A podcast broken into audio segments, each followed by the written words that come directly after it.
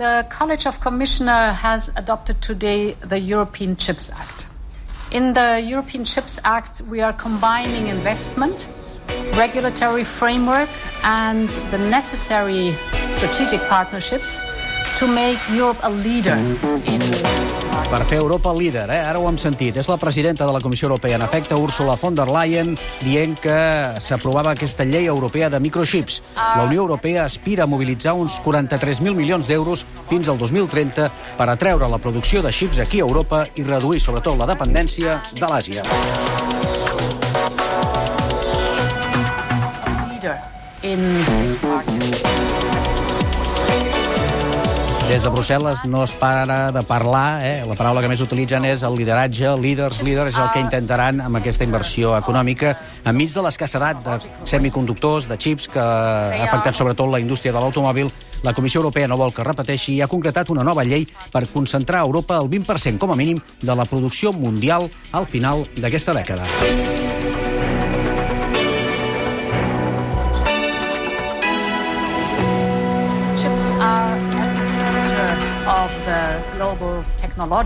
Van der Leyen, que va explicant precisament la posició europea, no deixa d'explicar que volen ser líders. Aquest 20% permetria tenir un, un paper en el concert europeu i en el concert mundial, i ara mateix és el que s'està intentant des de Brussel·les. Allà anem, Jordi Baró, bona nit. Hola, bona nit. Perquè quines metes es fixa a Brussel·les? Quadruplicar la producció de xips a la Unió Europea els pròxims 8 anys perquè el 2030 els fabricats en territori europeu siguin el 20% del total. Per atraure fàbriques i recerca, Brussel·les preveu mobilitzar uns 43.000 milions d'euros d'inversió pública i privada amb una llei que segueix els passos dels Estats Units, amb una dotació similar. La Unió Europea vol competir en països asiàtics com Corea del Sud o Taiwan, guanyar més autonomia i també prevenir crisis de subministrament com la viscuda durant la pandèmia, que ha afectat sobretot la indústria de l'automòbil.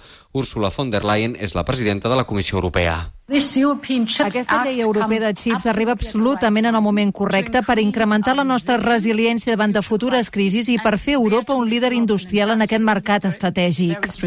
La llei europea, que perquè sigui una realitat l'han de negociar ara els governs europeus i l'Eurocambra, preveu que els estats puguin donar ajudes públiques per noves fàbriques de xips o també preveu un mecanisme de control d'exportacions davant de possibles crisis de subministrament. Gràcies, Jordi. Avui és dia de reflexions, en plural, reflexions obligades, tecnològiques. Eurecat, centre tecnològic de Catalunya.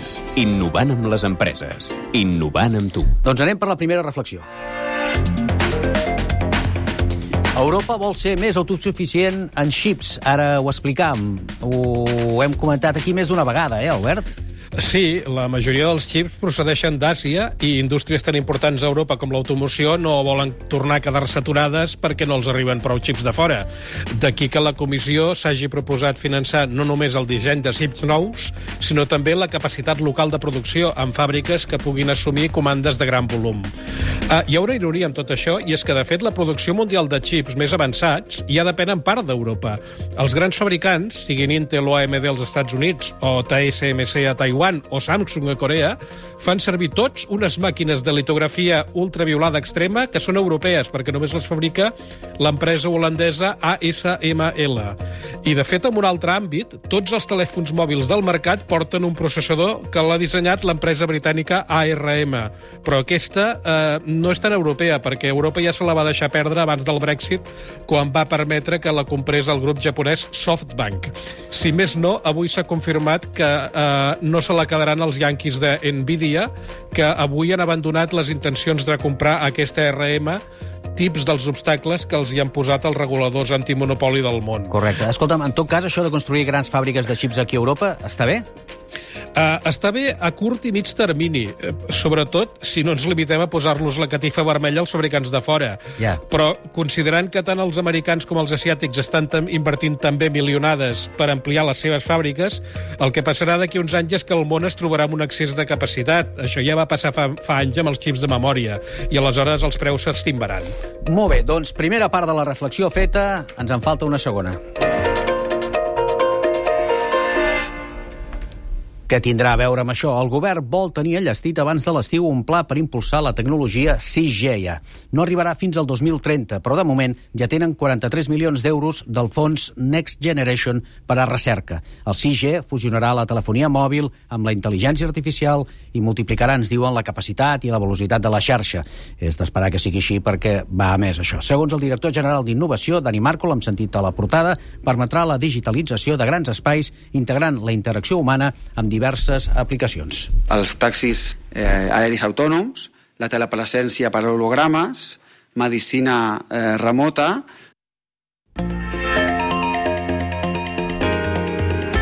I aquest pla català per la 6G, com, com ho veus? Forma part d'una aposta general europea, diríem, no? També, aviam, Europa vol tenir veu eh, amb la definició de les comunicacions de la pròxima dècada. La, les línies mestres d'aquesta futura 6G ja estan definides. Tindrà una velocitat de transmissió de dades fins a 1.000 gigabits per segon, que això són 1.000 vegades més que la 5G que està arribant ara, i tecnologies totalment immersives i assistides, amb intel·ligència avançada, vehicles autònoms, empreses descentralitzades, però el que passa és que des d'ara fins al 2030 s'han de concretar els estàndards tècnics i aquí ja tenim en marxa una batalla d'aquelles tecnopolítiques per imposar patents que és entre els xinesos, que fins ara van per davant amb la 5G, i els nord-americans, que no volen tornar a quedar-se enrere. En els pitjors dels casos, hi podria acabar havent-hi dues 6G diferents, que com a molt es puguin comunicar entre elles, com ja va passar amb la 3G. I si Europa participa en la definició, com s'està parlant ara, és més probable que els dos blocs es posin d'acord i hi hagi una única 6G, tal com va haver-hi una sola 4G i hi ha una única 5G, que tenen un, un, que aquestes dues, de fet, tenen origen europeu i que són d'abast mundials. Uh -huh. uh, respecte al pla 6G del govern català, aviam, és lògic que una part dels fons europeus de recerca vinguin a Catalunya perquè els centres tecnològics d'aquí ja han sigut punters en projectes de 5G eh, dins de l'Estat. També et dic que la majoria d'aquests diners s'han d'aplicar, eh, així ho ha dit la comissió, en forma de col·laboració pública o privada. I, per tant, acabaran, tot i que sigui via Catalunya, a gegants d'altres estats com la sueca Ericsson, la finesa Nokia i la francesa Atos, que fa software. Però hi ha una part d'aquests fons que sí que poden impulsar empreses incipients d'aquí, que de fet a Catalunya en tenim gairebé 40 que es dediquen a aplicacions, components i serveis relacionats amb la 5G. Ho seguirem amb molta atenció perquè el futur ens hi va, ens hi va amb decisions com aquesta. Gràcies i molt bona nit, Albert. Bona nit, Kilian. Fins demà. Eurecat, centre tecnològic de Catalunya. Innovant amb les empreses. Innovant amb tu.